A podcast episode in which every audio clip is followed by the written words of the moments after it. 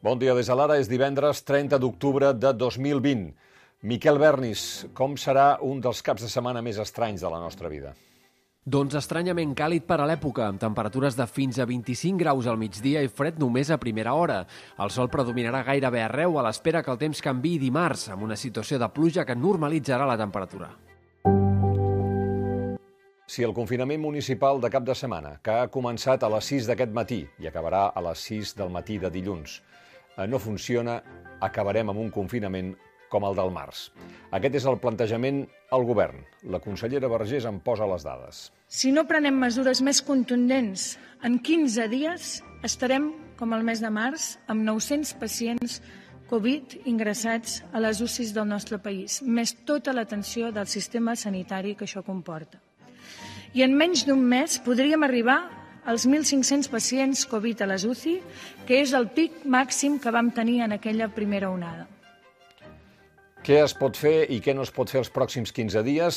En aquesta pàgina ho trobareu tot explicat ben clarament. Recordeu que els alumnes de primària i ESO continuen anant a escola, en canvi batxillerat i FP eh, passen a classes virtuals tret dels exàmens i les pràctiques. Les universitats mantenen l'aula online. Se suspenen les extraescolars. Tanquen els centres comercials, però poden obrir les botigues d'alimentació i de productes essencials i de primera necessitat. Farmàcies, òptiques, veterinaris, ortopèdies, higiene... Pot obrir el comerç minorista que no sigui d'alimentació ni essencial, que tingui una superfície de menys de 800 metres quadrats, amb limitacions d'aforament al 30%, mercats ambulants oberts al 30% d'aforament. Es permet la recollida local de comandes per internet o per telèfon. Es tanquen piscines, gimnasos i sales d'entrenament, tret dels d'ús professional. En resum, es recomana quedar-se a casa i limitar al màxim les sortides del domicili. I és que el virus ja monopolitza el 51% dels llits d'UCI i Salut preveu un ritme alt d'ingressos tot el mes. Mirin aquesta fotografia. A l'esquerra hi ha tot de llits preparats en un passadís de l'Hospital Clínic, però a la paret de la dreta, si s'hi fixen, hi ha aquestes petites canonades que baixen del sostre són per si calgués posar malalts en aquest passadís i per aquestes canonades hi farien passar l'oxigen per ajudar els pacients a respirar.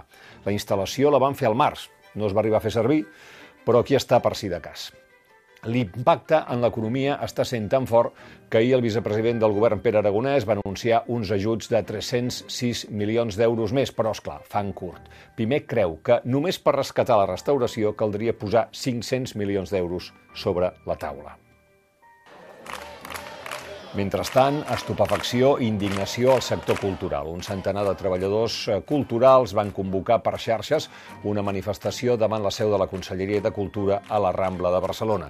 En el seu cas, les restriccions obliguen a suspendre totes les activitats d'arts escèniques, musicals, eh, cinemes i les biblioteques només podran obrir per a serveis de préstec. Els arxius, museus, sales d'exposicions, galeries d'art, eh, centres de creació d'arts visual podran obrir, però amb un aforament del 33%. Només se salven les llibreries. El tancament cultural s'aplicarà per un període de 15 dies de moment.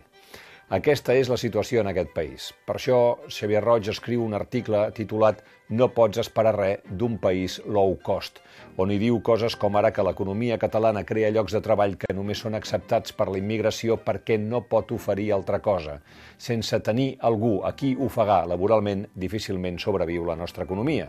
I mentrestant, l'energia nova que representen els nostres joves ha de trobar sortida nord enllà perquè un treballador mal pagat, recorda, no cobreix els costos socials d'allò que consumeix, la sanitat, l'educació, els serveis públics. I diu, aquest és el país que hem construït. Mentrestant, hi ha notícies que si les posa juntes amb tot el que acabo d'explicar fan molt de mal.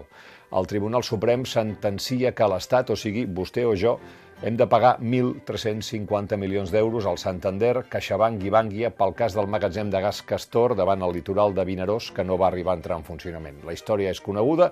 El govern espanyol va adjudicar el magatzem de gas quan governava el socialista Rodríguez Zapatero a la societat Escal, participada per ACS, l'empresa presidida per Florentino Pérez. Va haver-hi terratrèmols a la zona, atribuïts per diferents informes a aquesta instal·lació, per tant, no va arribar a entrar en funcionament. El govern espanyol, després ja presidit per Mariano Rajoy del Partit Popular, va decidir indemnitzar amb 1.350 milions d'euros l'empresa, que es veu que tenia per contracte, l'executiu de Rajoy, per no pagar de cop l'indemnització, va decidir que els bancs avancessin els diners i que ja s'ho cobrarien del rebut, o sigui, ho estaríem pagat tots nosaltres el rebut del gas cada mes fins l'any 2034. Bé, doncs finalment eh, ara eh, això dels rebuts, com que va eh, quedar declarat nul, ha acabat amb aquesta obligació per part del Tribunal Suprem que l'Estat sigui qui li pagui als bancs els diners que havien avançat per tota aquesta història.